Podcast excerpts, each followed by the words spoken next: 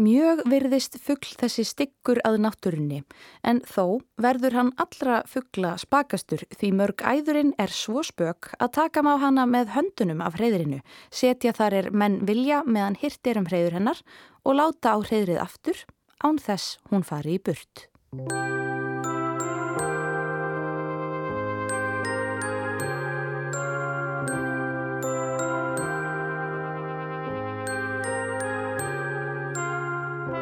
Hér heyrðum við brot úr greininni Æðavarpið úr tímaritinu Gestur Vestfyrðingur frá 1848. Þú ert að hlusta á glans. Við ætlum áfram að skoða umgengn okkar við dýrin allt í kringum okkur og mannin í miðjunni.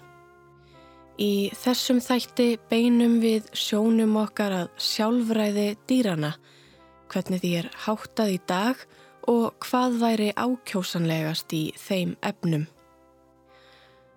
Hvaða réttindi hafa dýrin í dag eða hvaða réttindi höfum við veitt þeim? Hvernig komum við mennitnir almennt fram við aðrar lífverður sem deila með okkur þessum heimi?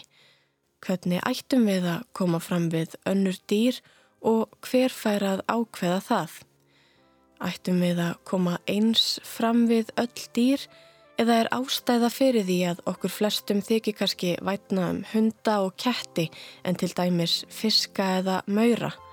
Er munur á hundum og köttum en til dæmis kjúklingum og svínum og af hverju leggjum við aðeins síðarnemdu tegundirnar okkur til munns? Á þessu málefni, eins og svo mörgum, eru skoðanir allskonar og allavega. Í þessum þætti fáum við að skegnast inn í tvær þeirra.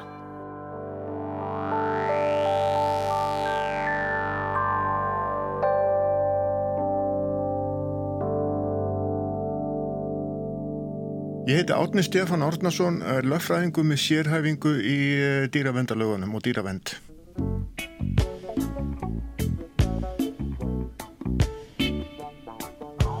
Ég rætti einni við átna í síðasta þætti glans. Þar sagðan mér í stórum dráttum í hverju starfans fælst.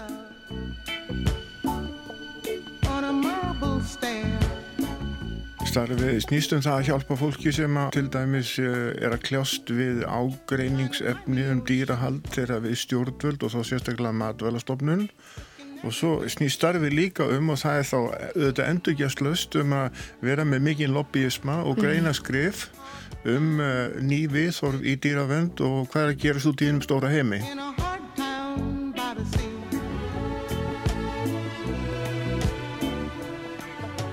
Í þessum þætti förum við svo nánar út í réttindi dýra hér á landi og lagaramannum velferðira. Er það sem er að gerast í hennum stóra heimi mjög frábröðið því sem er að gerast hér? Já, flest síðu lönd eru komin mun lengra en við í, í, í dýravend og þú sér það bara að þeim, þessum bókum sem ég er búin að leggjum sem er bara brota því sem ég á. Þetta hefur verið skrifað mm -hmm. um dýravend, siðferði og fleira. Mm -hmm. Við erum stutt á vegkomin. Þessar bækur sem kemur með Sumar er á þýsku, er þetta hérna hvað hundurinn er að hugsa? Já, það er einn bókin um það en að því að þú spurður mig um dýravendalögin að það bara vil ég ekki að rættigla og þessari bók sem er hérna lengst í burtu, hún heitir Animal Welfare Law in Britain mm -hmm. hann er bók sem er hátt í þúsund blasjur, engöngu um brösku dýravendalögin það er ekkit svona eh, reitt til á íslensku um íslensku dýravendalögin sem telja 50 ákveði þarna sérðu munin til dæmis mm -hmm. Og eru þá dýr í raun þínu skjólstæðingar? Já, það má segja það það er alveg rétt árið komist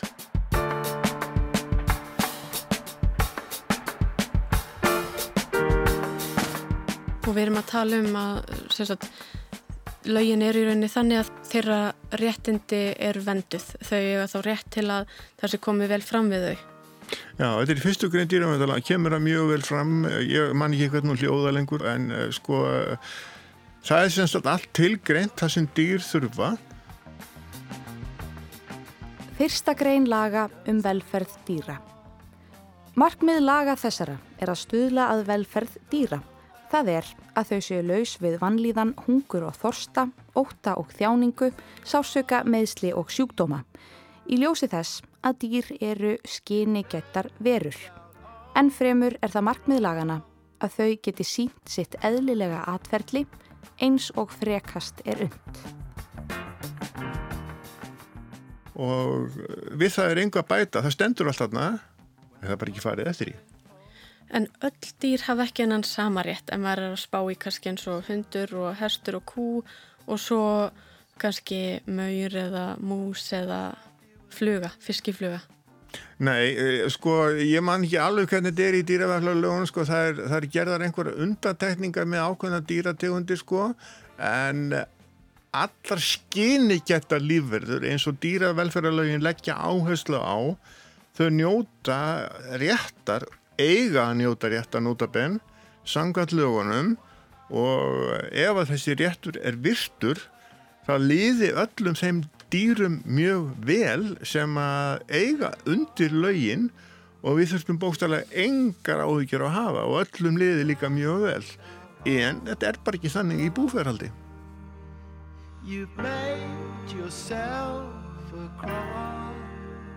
Önnur grein laga um velferð dýra gildissvið. Lög þessi taka til hryggdýra, auk tífætlu krabba, smokkfiska og bíflugna. Lög þessi gilda einnig um fóstur þegar skinnferði þeirra eru komin á sama þroskasteg og hjá lifandi dýrum. Lög þessi taka ekki til hefðbundina veiða og föngunar á viltum fiski. Dæmis dýra nýð, gæludýra er refsiverð. Já, já, það er eftirverð, já. Og hver er það þá sem að kærir eða fer með máli fyrir höndið? Já, þetta er mjög góð spurning og gott ákomst með það. Það er þannig í Íslengu dýravendalagunum í dag að sá réttur einstaklinga að kæra illa meðfyrir að dýri var tekin af okkur. Þetta er mjög undarlegt og það eina sem að ef að þú eða ég, ef við sjáum að verið sér að fara illa með dýr, þá erum skildu til að tilkynna matvalastofnum það og það er alveg undir þeim komið hvort stopnunum bregst við eða ekki. Og þetta er eitthvað sem er mjög mikilvægt að breyta. Vegna þess að ég sem löffræðingur ef ég verið vittna því að það sé verið að fara illa með dýr sem ég á þá hef ég ekki heimil til að kæra það. Og það er ekki gott. Og dýrin alltaf hefur ekki röttið að sinna eigin rétt og en... ég sem málsverðis get ekki gert neitt meira heldur raukst upp mitt mál og þá er það alveg undir hælinlagt hjá viðkomandi hérastýrilegni eða yfirdýrilegni hvort að máli fari í meðferð hjá lauruglu og jafnvel þó að það geri það þá er allt og mörg dæmi þess að laurugla vísa málunum frá. Þannig að það er eins og matvæla stofnun er þá kannski eins og ákjöruvald eða saksóknari í, í málu manna. Þau taka ákverðunum hvort mál verður ansakað eða... Nei, það er ekki matvælastofnun. Matvælastofnun tekur ákvörðunum það hvort að máli verður kjært í lauruglu. Já. Það er þannig. Þannig þau eru þá eins og í rauninni um, brotaþóli. Já, það má eiginlega eh, orða það þannig að, að þú getur, þú getur sett samsörun á milli þess að matalastofnun sé brotaþóli og hún megi einn kæra tilkynningu frá mér raukstuta ef að matalastofnun þykir tilefni til að kæra þá á hún að kæra til örglu Kanski tökur löglamál til rannsóknar það ber árangur og það fer áfram og fyrir domstóla eða þá að matalastofnun eh, sér ekki ástöðu til að kæra, það fyrir málið ekki lengra. Ef hún kærir og þetta fettir lögreglu og lögreglan hafnar að taka máli niður og, og fellir það niður, þá á uh, matalastofnun þann kost að kæra það til saksóknara, þá niðurstöðu. Ég hef ekkit um það að segja. Þetta er stór brotalöfum í, í dyrjavöndalöfunum maður setjum til dæmis mannesku í þetta og það er broti gegn mér Já. og ég þurfti að láta síslumann vita og hann mætti ákveða Já, nákvæmlega, þetta er alveg rétt, þú skilur þetta rétt En þarna líka ákveð áhugaður spurning hver ætti að hafa þetta vald að tala fyrir dýrið? Sko, ég talaði mikið um það þegar ég útskrifaðist vegna þess að þá var ég búin að rannsaka dýravendamál og dýravend í flestu Evrópulandum og þeim tíma var bæði í Sviss og í Östuríki sérstaklega talsmaðu fyrir dýra, umbósmaðu dýra Þetta hlaut ekki hljómgrunn þegar nýju lögin voru samin. Í dag er það þannig að mér finnst orðið full ástæði til þess að skoða það vegna þess að dýrahald hefur aukist svo rosalega mikið að það sé og verði skipað sérstaklega umbósmæður dýra alveg eins og er með umbósmæðan batna til dæmis. Það sé aðli sem að þú getur leita til sem að hefur þó rétt á að taka máli fyrir og kæra og fylgja málun eftir fyrir domstólum.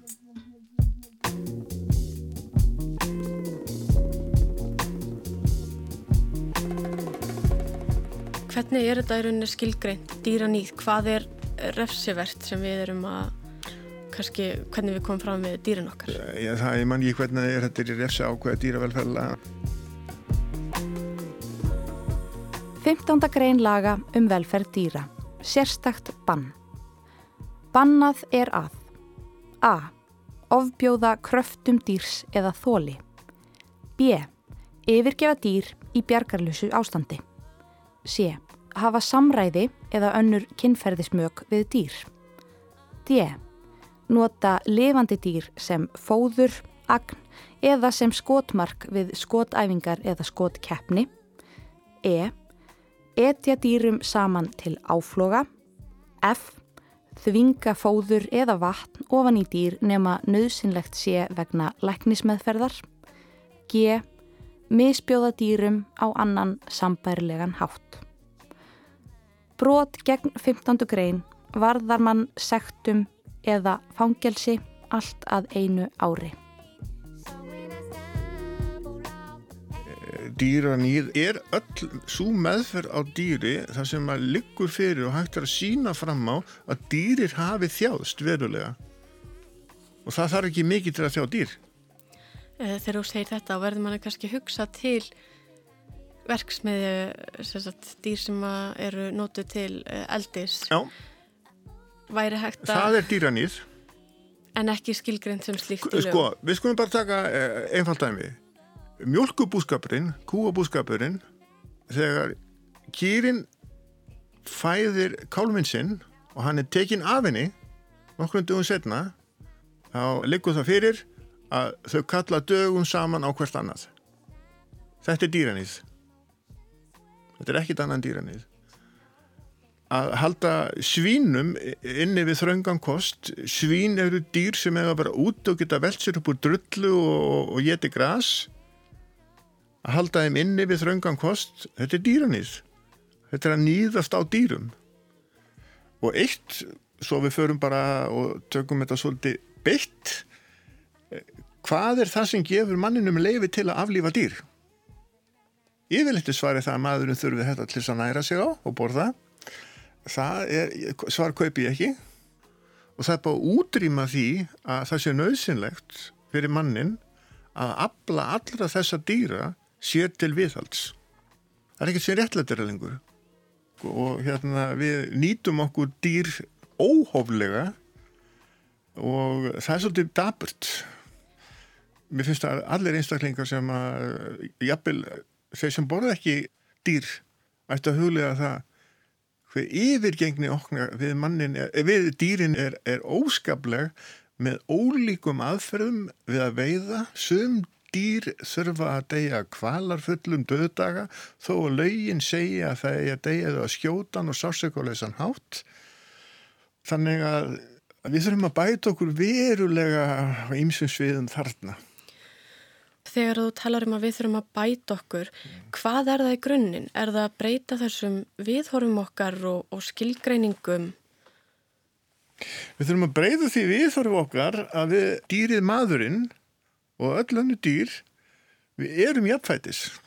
En við erum bara ennþá á þessu stígi að okkur þykir þetta sjálfsagt að að dýrin séu þarna fyrir okkur og hérna við eigum að nýta þau að vild.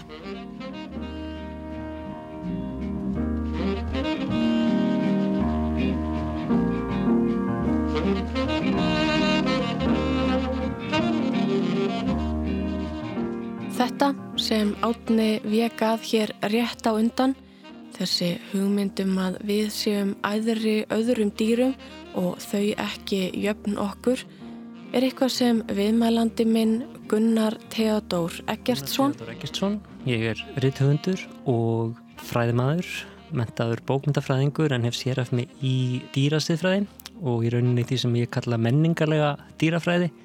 Nemdi í síðasta þætti. Þetta er hugmyndin um mann miðjuna.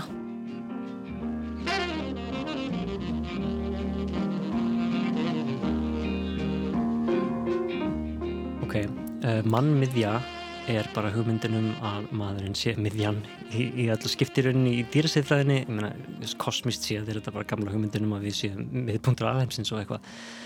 En í dýrasiðfræðinni stýstaðum að, að hagsmunir mannfólk skiptir meira máli en hagsmunir annara tegunda. og annars lífs og jafnvel þótt um sig að ræða mjög litla hagsmunni hjá mannfólki jafnvel einhvað sem myndi ekki teljast hagsmunir bara nöytt og, og svo kannski mestu hagsmunni annar lífur sem er líf og dauði að, að það skipta ekki máli að allt sem maðurum vill í rauninni hafi meira að segja og hafi meiri, meira gildi.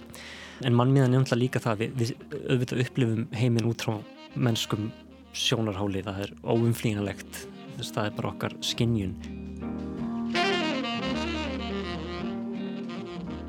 En er þetta eitthvað að breytast eða standa viðhorfu okkar í stað? dýrasiðfræðingar okkar samtíma myndu vera snakir að benda á að nokkur veginn allar hugmyndir sem við erum með núna eiga sér stóður í fornaldar hinsbyggi líka. Þetta er ekki nýjar spurningar. Það er hafa fyllt mannkininu í rauninni síðan við byrjuðum að búa til svæði fyrir okkur og loka vilt dýr úti og ákveða hvaða dýrum við leipum inn til okkar og hvaða dýrum við, við viljum ekki fá inn. Þannig að eitthvað sé að versna og, og batna er erfitt að segja til um sko. En eitt sem er hægt að segja alveg heiklaust er að það er alltaf aukast. Uh, ég meina það er ástæði fyrir að dýrasýðfræði við tekið svona kipp síðustu áratugum með tilkomu nýrar tækni og verksmiði búskapar og þessara brjáluði fjöldaframlýslu og dýrum. Þessi mikla hlutgerfinga sem að dýr koma fyrir í næstum öllum vörum í kringum okkur eh, þetta er svo eðlilegt að þetta hefur fyllt menningasögunni svo lengi en, en þetta er náttúrulega bara ákveðin hugmyndafræði. Ég meina mannfólkið hefur verið til hansi lengi áður við fórum að rækta dýr til dæmis. Það er eitt að veiða sér til matar og annað að rækta dýr frá grunni og slá eign sinni á þau. Veist, þetta, þetta er allt annað lifnaður áttur. En líka okkar samfélag byggir á arðran og dýrum. Það hverfur ekki veitir nóttu sko. þannig að veist, það er búið erfitt að ætla að fara að endurhugsa þetta allt saman. Mjög rætt en þessi umræða sem er í gangi núna er náttúrulega ofsalega kærkominn Við Gunnar rætum svo um nútíma upplifun sem eflaust margir þekkja. Að það ákveða hvað þeir að versla í matinn eða leggja sér til munns snúast ekki lengur aðeins um langanir, þarfir og matalist, heldur félið það einni í sér siðferðislegt mat. Hvað má borða og hvað má ekki borða. Hvaða egg má kaupa, grænegg, lífræn eða engin egg. Má kaupa innfluttarvörur má drekka mjölk og borða kjött. Þessar siðferðisflækjur sem tekjast kjött átti náttúrulega að koma upp á ólíka vegu hjá fólki. Um, sumir kannski geta ekki hugsað sér að borða eina ákveðna dýrategund frekar en aðrar. Dýrasiðfræðingar, allavega svona raukhyggju dýrasiðfræðingar sem að kalla á samrami í siðfræðinni. Samrami þá til dæmis með því hvað gerir að verkum að einhver líf vera á til dæmis rétt til lífs? Hvað er það sem gera verkum að við virðum mannréttindi en ekki réttindi annar tegunda? Nærtækt dæmi eru aðra apategundir sem hefur verið núna nýlega verið að reyna á í réttakerfinu að skilgrina apa sem, sem svo að þeir eigi skilja mannréttindi. Og dýrasiðfræðingar myndu segja margir hverjir eins og Peter Singer til dæmis Tom Regan að, að ákveðin skilir því sem fylgja því að vera levandi séu nóg til að eiga rétt af því að, að lifa þjáningalöst og þá er þetta samræmi sko. það er engin að segja að það sé endilega einhver einn rétt leið til að lifa í náttúrunni en ef við ætlum að ákveða að lifa með mannreitindarleiðaljósi þá þurfum við að, að reyna að skilja hvers vegna mannreitind og hvers vegna þá ekki aðra dýrategandir og þar þarf að fylgja samræmi og þetta er svona svolítið stóra spurningin sem hefur verið í dýrasifræðinni síðustu 200-300 árin. Verða apanir fyrir valinu að því þeir eru líkastur okkur? Já það er náttúrulega oftast þannig að ef við sjáum eitthvað úr okkur sjálfum í dýrinu til dæmis speiklaprófið sem er alltaf svo vinsalt að sjá hvort einhver getur þekkt sér í speikli eh, fílar til dæmis geta það, það bara geta það held höfrungar líka, þú veist, þá finnst okkur það einhvern veginn verða þá, þá merkilegra öll dýr sem vekja áhuga okkar að forvitni eða meiri líkur á því að hljóta tillit heldur en aðra dýrategundir. En þú veist, dýrategundir geta þekkt sjálfa sig kannski einhverju öðrum speikli, geta þekkt sjálfa sig í lykt eða hljóði eða einhverju öðru sem við kannski skiljum ekki en við erum alltaf með þetta svona mennska viðmið, skiljanlega svo sem. En, en ég ætla að segja á þann að þetta með krísuna, stiðferðis krísu sko, eins og ég segi, það þarf kannski einhver til að byrja að hrista upp í manni, einhver til að augra þessari vanafestu og ég held að mjög margir eigi sér einhvað sem þeir neykslast yfir segjum sem svo að borða köttin sinn eða eitthvað. En myndi ekki tengja við kannski önnur dýr þó að það sé engin dýrafræðilegu munur á því að, að borða kött eða, eða svín eða lamp eða hvað sko. Og það eru svo mörg svona dæmið sem maður heyrir af einmitt, svona, eitthvað dýr kemur inn í ramman og, og rugglar vanafestunni hjá mér var það að sjá held að það að verið kálvakjöt sem Greenpeace liðar voru að grilla nefnir ekki aukur höfn. Árið 2003 þeir voru mótmáli kvalviðum og þá komum eh, menn nýra höfn að mótmáli Greenpeace með því að grilla hrefnikjöt og þá komum Greenpeace liðar út að grilluðu kálvakjöt bara til þess að vera vínalegir og spjalla við á því þið vildi ekki vera þessir svona hortu mótmannendur sem að þér höfðu orðsporið var, var á þann vega með Greenpeace. En það stuðaði mér rosalega og ég borðaði allt venjulegt kjöt þá, þú veist en einhvað þegar ég sá þetta þá, þá fór eitthvað í gangi höstum á mér þú veist bara eitthvað af hverju eru Greenpeace leðar að mótmanna kvalviðum en þeir eru að borða kvalvakjöt af hverju finnst mér ógislegt að borða kvalvakjöt og kvalkjöt en ég borða nöytakjöt en ég borða lampakjöt það? Er mín svona baksaga það kveikt í þessum hrærikurti höstum á mér sem enda því að ég hægt að bara kjött til að reyna að leysa úr þessum flækjum hjá mér. Um, og fór að kynna með dýrasefræðin ég fannst þetta svo ógislega spennandi. Og þessar þversagnir eru út um allt og um, svo ég minnist svona aðeins á þá veist, þessar menningarlegu dýrafræði, þessar listir. Ég, einn saga sem ég veist alltaf svo gaman að segja frá af listakonu hollandskri sem að vakti svo mikla aðtikli og, og vakti mikið hatur þegar hún gerir listaverk. Fyrir einhvern 10-15 árum þar sem að hún augraði þessari þessu stigveldi með dýr, með gæludýr og húsdýr og loðdýr og allt það. Þessari flokkaskiptingu með því að sauma tösku úr kettinu sínum sem listaverk. Og það, hún var bara ung listakona þarna, þetta var fyrsta stóra verki sem kom á síningu sko, þetta var alveg þvílíkt mál og hún fekk svo mikið af hattuspósti að hún gaf út heila bók af hattursbríðunum sínu sem er mjög merkileg lesning og var að reyna aðeim, ég benda á þessar þörsagnir og leika sem með það er sko. Hann var að gera köttin, hann elskar það gæludýrið okkar að lóðdýri sem náttúrulega eru lóðdýri búmingar og úlvar og reyfir og kaninur og allt sem er notað í, í lóðfeldina ég er ekkert vissum að allir sem hafi skrifað henni hatursbrefin hafi endilega pælt í því, það er ekkert vist að það hafi, hafi breytn henni hjá þeim sko en hún alltaf var svona léksir að þessu benta þetta maður pælir mitt í því að hún hefði verið í tískunámið að hún kannski verið að gera það sama en bara mitt úr mingi og án þess að neina spurningar hefðin til að vakna. Já, já, alveg örglega. Hvar verður þessi, eins og þú orðar þetta við mig, stjættarskipting? Af hverju finnst okkur í lægi að borða þessa dýrategund, ekki þessa dýrategund? Akkur finnum við okkur meira í þessum dýrum sem eru lík okkur eða við erum forvitinum eins og kannski við viljum frekar eiga hund heldur en uh, einhvers konar, já, rottu eða þvottabjörn eða eitthvað þannig sem mm. gæludýr. Er þetta að segja með hvað þetta hefur að gera?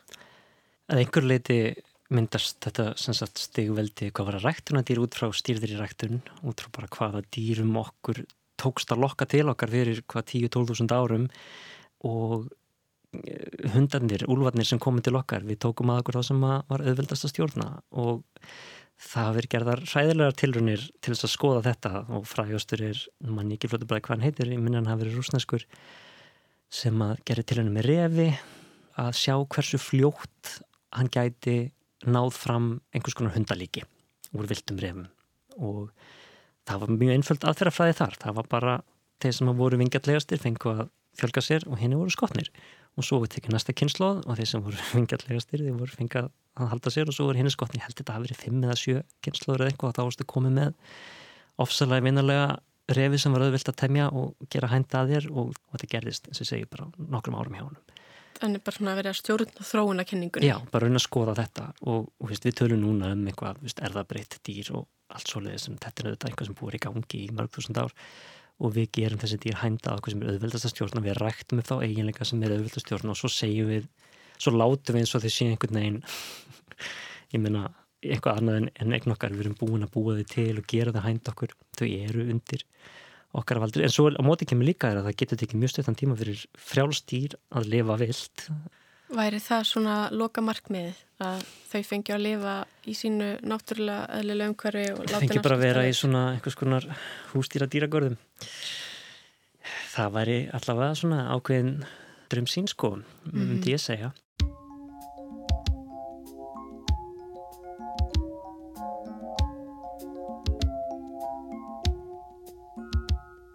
Þetta sem við höfum hér verið að ræða Þetta stegveldi á milli dýrana, þessi munur á því hvernig við komum fram við dýrin meðal annars eftir tegundum, er í raun þar sem kallað er tegundahyggja. Gunnar skýrir þetta nánar út. Já, tegundahyggjan. Tegundahyggjan, það er reyndar mjög náskilt þessu sem ég var að segja með mannmiðina á þann sko. Mannmiðjan alltaf í eðlisinu er bara þetta mannlega sjónarhótt sem komst ekki út en tegundahyggin er það sem gerir mannmiðin og hættulega mm -hmm. í rauninni. Það er bara að setja hagsmunni sinna tegundar umfram annara tegundar eh, með því að gera lítið úr stærstu hagsmunum einna tegundar bara mm -hmm. til þess að svala því sem er ekki einu svona miklu hagsmunni á þér, þú veist bara nöytni svo að borða eh, það myndi kallast tegundahyggja ef þú ert með tvo einstaklinga og segir þessi skiptir engum máli bara svo þessi getur gert eitthvað annað mm -hmm. og þannig að dýrasiðfræðingar eins og Peter Singer sem koma úr nýtjahyggjunni þar sem þú bara vegur og, og metur þjáningu og velíðun og segir bara, þú veist, hvort skiptir meira máli, þú veist, með því að kaupa þetta kjöt á tekið þetta og þetta líf og hvað fæ ég á móti? Jú, bara eitthvað svona stundarnöytt og þú veist, þetta er bara svona reiknistæmi fyrir þeim. Það myndi hann segja, tegund ekki, ég held að hann hafi, hann var ekki fyrstur til að nota orðið, speciesism er það á, á ennsku, hann er svona gerða frækt. Mm það var annar maður sem kom með það fyrst og þá átti það að rýma við racism og sexism var hugmyndin. Þetta var 60 eitthvað 8-9 sem kom með þetta. Richard Ryder hétt hann.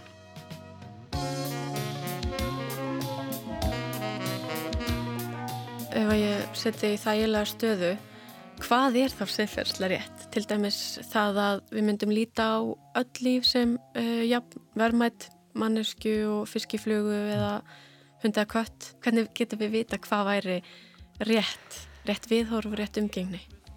Það snýst náttúrulega um bara samræmi í því hvar, hvað því að finnst vera rétt. Þetta er það sem að, ég myndist að náða með dýrasifræðin að hún byggir svo mikið á því að ef að við ákveðum bara einu regla gildi til dæmis fyrir mannfólk, hvað hindrar okkur í að beitinni á aðrar lífurur. Þannig ef að þú ert með aðrar lífurur sem er með finnur fyrir sásöka og með meðtöðgerfi og sálarlíf og einhvað af hverju máttur okkar hann inn eða drepa hann þannig að það er einhver lit einstaklingsbundið. Ef þú er samtíkir ákveðna reglum með mannfólk eða ákveðanar dýrategundur og ekki aðra dýrategundir þú veist, hugsaðu það og reynda að fara raug fyrir því og, og verður þá sáttur við þín raug eða, eða þín afstöðu. Það snýst líka um samfélagi sem við búum í að við búum í samfélagi með ákveðna hluta leðaljósi eins og mitt, hvað frelsi og jafnrætti og bræðralag uh, hvað hindrar okkur í að koma eins fram með aðra dýrategundir og sína þeim sömu virðingu. Þetta snýst meira um þetta samræmi heldur en endilega að sé einhvers konar heilug rétt eða ránt regla. Bara við, við, við ákveðum ákveð samfélag sem við búum í. Hverjum hleypum við inn og hverju lókum við úti og Peter Singer og Tom Regan og þessi svona stóru dýrasiðfræðinga nöfn þú veist, þeir bara eru með ákvæmna skilgrinningar Tom Regan, hann var einn af þessum hann á 18. áratögnum sem var svolítið svona stór. Hann var bara með ákvæmna skilgrinningu á því að vera lifandi vera. Og, og það var þú veist, það var allavega spendir og fugglar og ég held flestir fiskar, ég man ekki hvar hann dró línuna skiluru, einhvers að þetta draga línu svo er það annað, hvað mm -hmm. er það að draga línuna? Hvað með skortýr, hvað með plantur að einhver leiti snýst þetta bara um að reyna að minka skafa mm -hmm. það sem þú getur og horfast í augu við þann skafa líka sem þú kannski ert valdur að. Og ég veit ekki, gera sitt besta í allar þessar áttir. En ekki að hafna neinum eða loka á samúð með einhverju bara vegna þess að þú ert manurinn hér frá blöytu barsmenni veist, þau hefur aldrei hugsað út í það. Mm -hmm. allavega taka sér tíma til að hugsa út í það. Ég held að -hmm. það sé það eina rétt að bara lefa sér að, að reyna að hugsa út fyrir sjálfan sig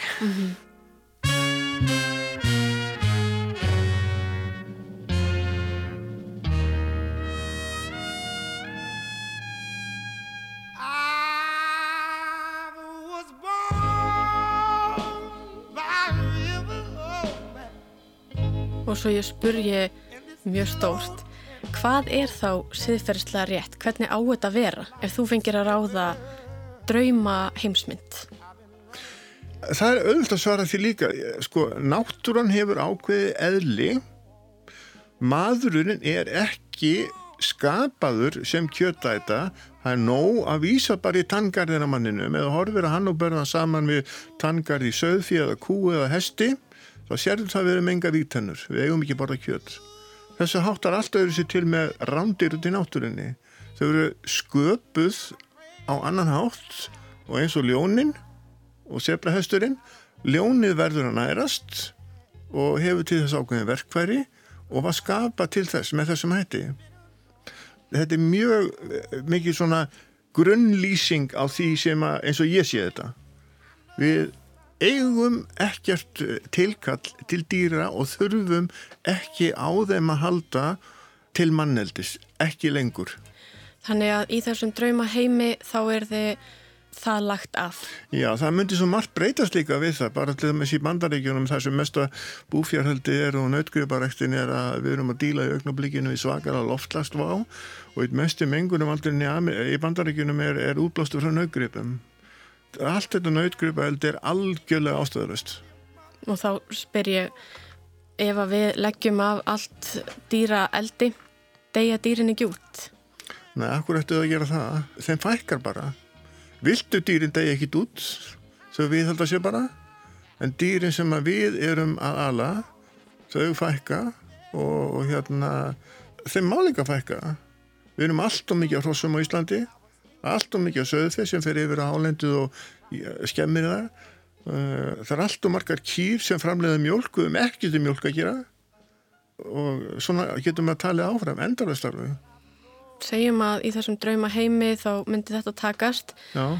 Hvernig er þið þá samlífi manna og dýra háttað?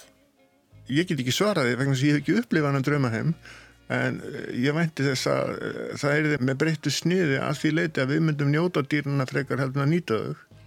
Njóta þá til dæmis njóta samvista við þau? Og... Já, til dæmis, eh, ég meina við fugglana, við reyndýrin, þessi tignalegu dýr sem liftir að veið á höstin við myndum bara njóta tilverðu þeirra mm -hmm. ég fer, ég geng einu svona dag alltaf með dýri mín og ég sé alveg ofbóstlega mikið að dýralífi í kringum mig og mér er sérstaklega gaman að þegar ég geng á, á rjúbu eða sé uglu.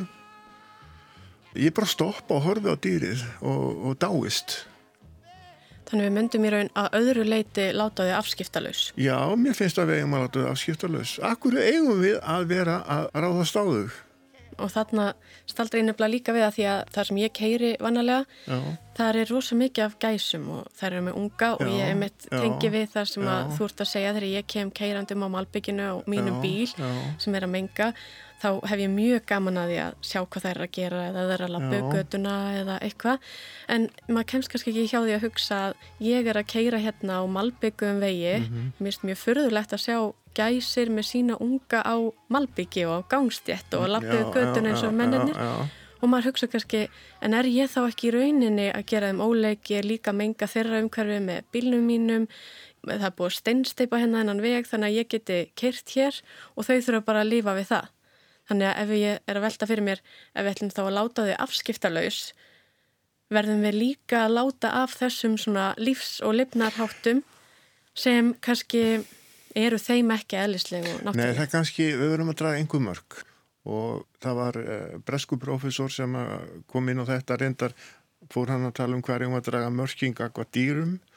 Og hann dróð mörkin við skortir ef það er eitthvað skortýr sem er að tröfla okkur þá um, síla ég að útrýma því en gæsirnar geta valið sér stað mm -hmm. þær mhm. þurfa ekki endilega að velja sér stað nálega malbyggi mm -hmm. en eh, ábyrtingin er alveg rétt sjáður en við hefum ekki endilega að hætta malbygga út af gæsum það kannski er, er svolítið oflátt gengi skilur Þannig að eru alltaf þessi mörg en þegar við pælum líki þess eins og segir sko hvar á dragalínuna og þessi maður sem vísar í hafi dreyjana við skortýrin verður þá alltaf að vera ákveðin tegundahyggja?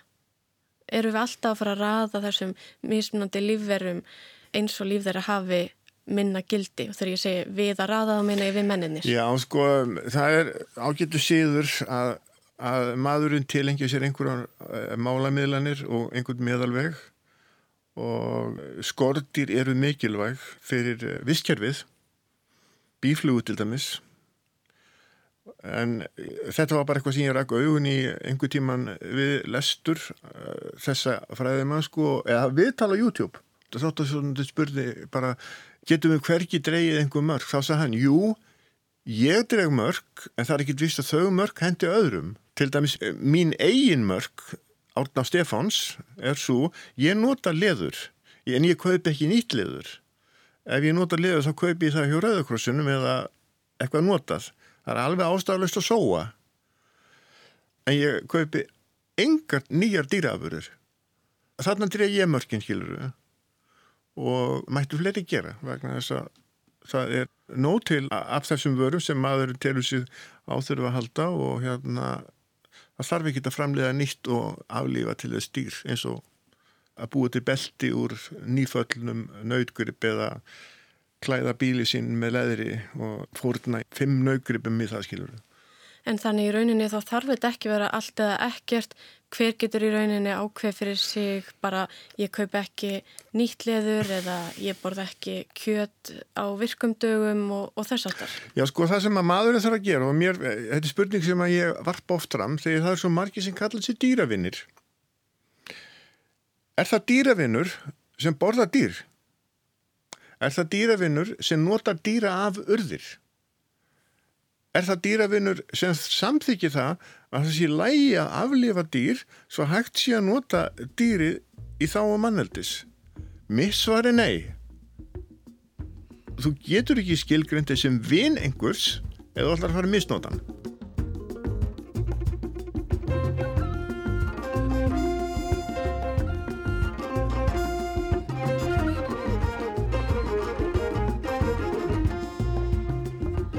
Myndir þú segja eins og þetta kannski vera græmitveta en gangum í loðfeld eða og borða fisk og ís og svona eru þessi minnstur, er þetta hræstni eða er það einföldun?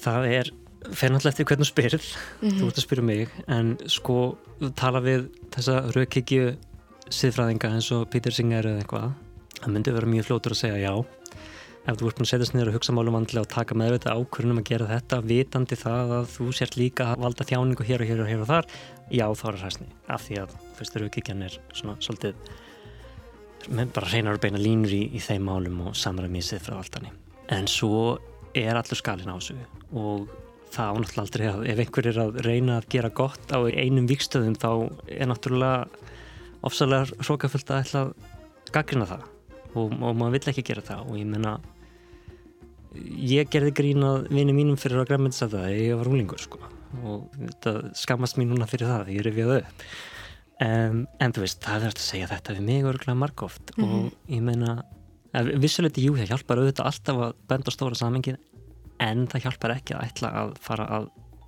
skjóta fólk niður mm -hmm. fyrir að vera að reyna að gera einhvað gott og þar að ekki ég sagði á hann að dýrin var allstað í kringum okkur og ég hugsa alltaf um það var hollensk listakonna grafiskur hannuður sem tók sér til uh, eftir að hafa hirtum að væru 12 miljón svín í sveitin hennar. Hún hafði aldrei sér svín. Öllin á versmiðum búum, þá tók hún sér til og gerði heila bók þar sem hún greindi hver einustu vöru sem hluti af einu svíni að ratar í. Stór hlutaði ykkur helmingurum var matarkynns en svo var alls konar postlín og lím og vopn og tölfur og alls konar sem einhver fyrir nútið í herða kopar þarna og, og bla bla bla. Og þræðirnir úr þessu eina svíni byrtust allt í hennu allt í kringum hann. Og þá þegar maður sér þetta og maður fattar hvað þetta er við það að þú veist, ætla mann bara ætla mann bara að láta mann fallast, fallast hendur og gefast upp og segja nei þetta er ekki hægt. Eða ætla mann að reyna að gera einhvað hér og einhvað þar.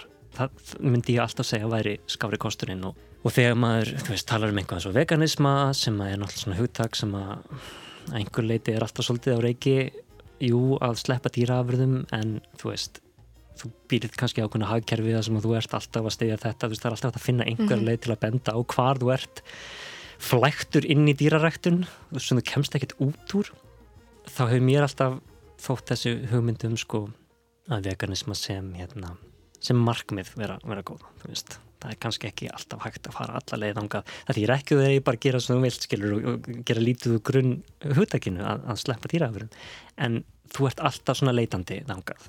Þú veist, þú ert að reyna að bæta hlutina. Ég meina, gæludýr er annað dæmi um þetta, þú veist, sem er harlínu dýraréttinda vegan uh, hugsuðir myndu segja að það væri hluti af því að þú, þú sleppir bara gæludýrum, það er ákveðin nótkunn á dýrum sem þú átt ekki að hafa en því hefur líka verið augrað af mjög mörgum sko að þú getur heldur ekki gert lítið úr því að gæludýr upplifir ákveðið samleiti við mannfólk og það er margt sem verður til og getur verið til á milli tegunda alls konar tengingar og tilfinningar sem þú gerir lítið úr með því að hafna þeim alferð og segja bara hvað nei, þú veist, menn og dýr geti gjátt samleið heldur mm -hmm. ég, ég, ég þekki dýrasýðfræðing sem er algjörlega sko harlínu og harkjarna og súper mikil svona aðskilnaða sinni með mjög margt og, og, og myndi vera rosalega fljót að skjóta niður hræstni og ósangamni en, en algjörlega opna fyrir gæludýr og býr með hundum og það er bara hennar fjölskylda. Að því að þú veist, hún ræktar samband við, við þessi dýr á, á hátt sem er því breytt stræti sko. Mm -hmm. Mér svo áhvert, mann langar oft bara að reyna að skilja hvernig maður sjálfur hugsar líka, sérstaklega ég veit skýrt hvað mér finnst um að borða kjöt og mjölk og fisk og vera í fötum úr dýraefni en það er ofta eins og raukhyggjan fari síðan bara ekki saman við eitthvað annars sem ég get ekki alveg identifæð svona við þægindi, vana. Minningar, uh, það er eitthvað sem heitir sko, áh, nú veit ég ekki íslenska orðið motivated reasoning á hansku, mm. sem er sem sagt í rauninni þessi hugmynd að raukikja raukfræði þegar hún parast saman um einhvers sem þeir eru mjög andum eða átt mikla hagsmunni í að þá sé bara erfiðar að taka mótið í í mann eftir sögu frá svona dý, dýravendarstað hvað segir maður svona já svona dýravendarsamtök með greiðastað fyrir dýr sem að taka móti hústýrum sem hafa, hefur verið bjargað eða hefur verið ítla með eitthvað svo leiðis og var saga af hjónum sem að voru vöna að kaupa sér levandi svín og slátra þeim heima og þetta var í bandaríkanum og, og, og borða þau. Og ekkert mál og hafði aldrei allt í neina vandraða með það. En svo einhvern veginn gerist það með eitt svín hjá þeim að þau voru með eitthvað lengur en vanalega byrjuði að kynnast því. Og verður algjörlega sannfærum það að þetta svín væri eitthvað sérstætt sko. Og þau fóru með það þangað. Og starfsmáðinu það reyndaði með útskýra að það er ekkert merkilegt við það svín. Þetta er nákvæmlega svo öll hinn svínin sem það hafi fengið og þau neytiðu alfarið að samtíkja það og komu að heimsækja það og, og fylgdust með því en heldur náttúrulega bara áfram að drepa svín og, og ég menna, þú veist, þau bara kynntust þessu, þessu svíni á annan hátt og einhvern veginn var það eins og gælitýri þeirra huga og, og það er bara einhver við mannshugan sem virka svona. Þegar einhvað hleypum einhverju að okkur og lokum einhvað annað úti og menningin náttúrulega á sinn hluti í því hún tekur alveg utanum okkur. Þegar við byrjum að, við viljum gleima dýrunum þá er það ekkert mál, það er miklu erfiðar að ætla að hugsa um öll húsdýrin sem persónleika, bara þetta tala um húsdýr. Við sjáum fyrir okkur einslita heild oftast nær af dýrum ólít gæludýrin sem við sjáum sem persónleika eða einstaklinga þó þetta séu allt saman dýr sem eru einstaklingar. En já, en menningin er mjög fljóta að faðma okkur og, og, og svona hugga okkur niður í það þetta er allt í lægi, við, við megum alveg halda árum að hlutgera því, það er bara svo, svo þessi segi, svo stór hluti á okkar menningasögu snýst um þessa, já, mannmiðju og dýrinsjösköpu fyrir, fyrir okkur og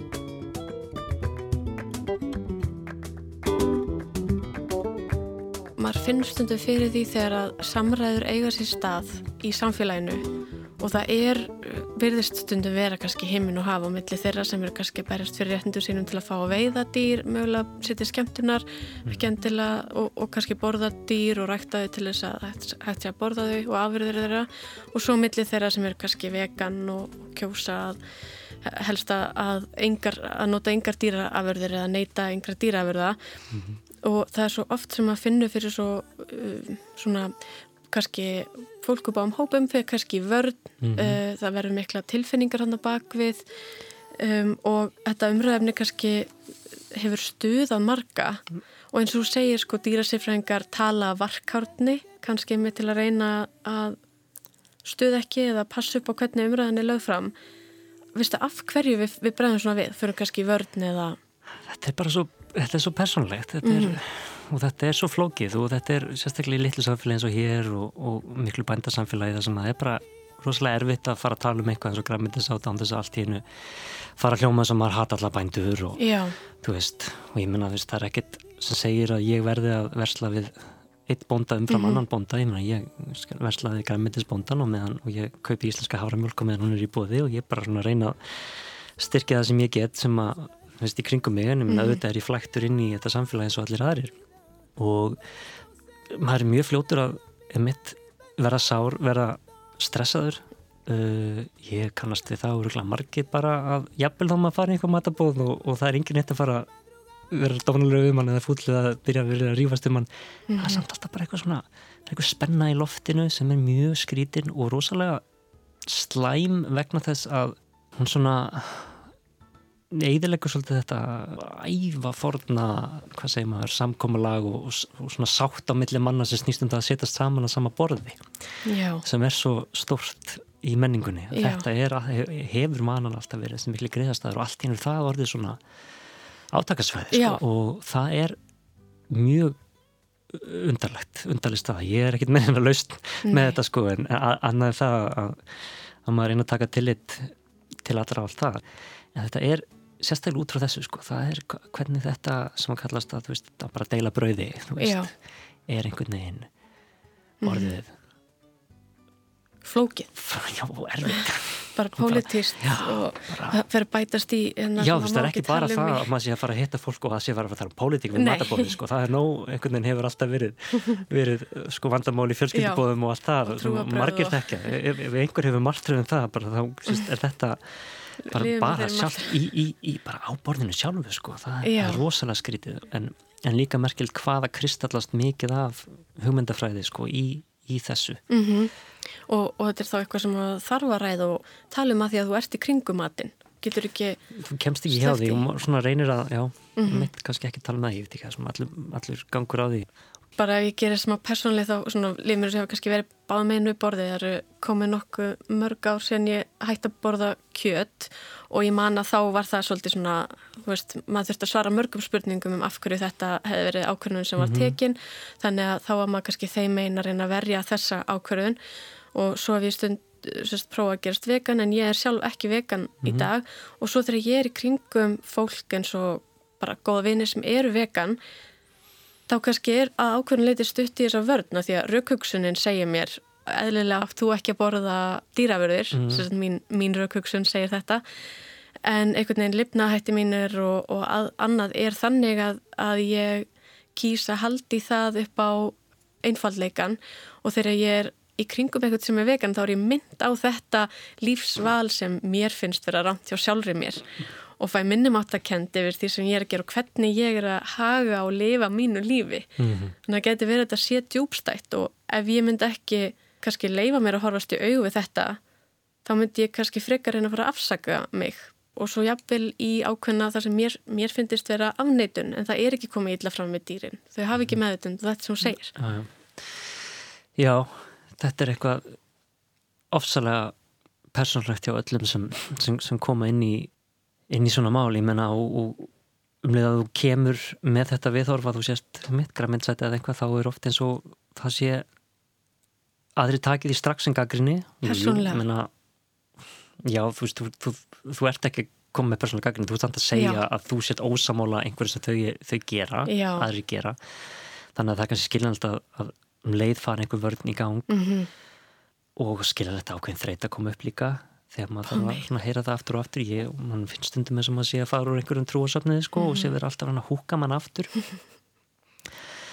en ég, ég mitt skil þetta líka með þú veist, ég, ég er græmið að setja núna eitthvað 17 ár og mm svona alltaf svona eldað vegan inn á milli en ekki alltaf verið vegan mm -hmm. ég er svona eiginlega alveg vegan núna en ég hef rokkað fram og aftur og sérstaklega bara þú veist, með fjölskyldu og ég og, og þú veist, þrjú börn og þau bara bara svolítið sem þeir sínist og menna, stundum hef ég ekki nefnt að elda allt ólíkt mm -hmm. vegan útgáð og fæfum bara pizza með þeim eða eitthvað, þú veist um, það hefur gerst og ég hef einmitt ég hef einmitt hérna setið í já, mataborði með svona harkjarna vegan fólki og og sagt þetta, bara eitthvað svona játa það, ok, ég, þetta var fyrir nokkrum árum ég sagði ég er svona 80% vegan og það var bara eitthvað, já, ég er líka bara, bara með þræla 80% tímans eða veist, eitthvað svona, mm -hmm. fóru strax að, að skjóta mig sko, allt í nú var ég bara ég held ég væri með og svona einhvern svona safe space sko, ég var það greinilega ekki.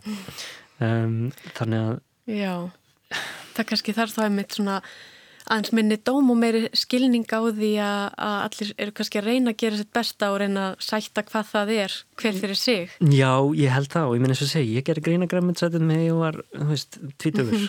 Já, og það sem þú veist, það er aðan eins og að þetta er kannski áður eitthvað sem var svona samfélagslega og jákvæð upplifun að setjast niður og borða mm. og nú er þetta orðið sko siðferðislega átök. Mm, já, átök, þetta er náttúrulega átök í hvert sinn. Í búðinni, hvað þú ætlar að kaupa, hvað þú ætlar ekki að kaupa, hvað panta er á veitingastanum, þegar þú ferðið mitt í matabóð hjá, veist, hjá hérna, nýju fólki eða hvað sem er og, og þetta er kannski innri tókstreita og, og siðferðisleg átök en svo er mitt einnig út á við þegar þú sest við borðið. Þetta er eitthvað sem var svo einfalt að bara borða til að nærast eða halda árum að vinna.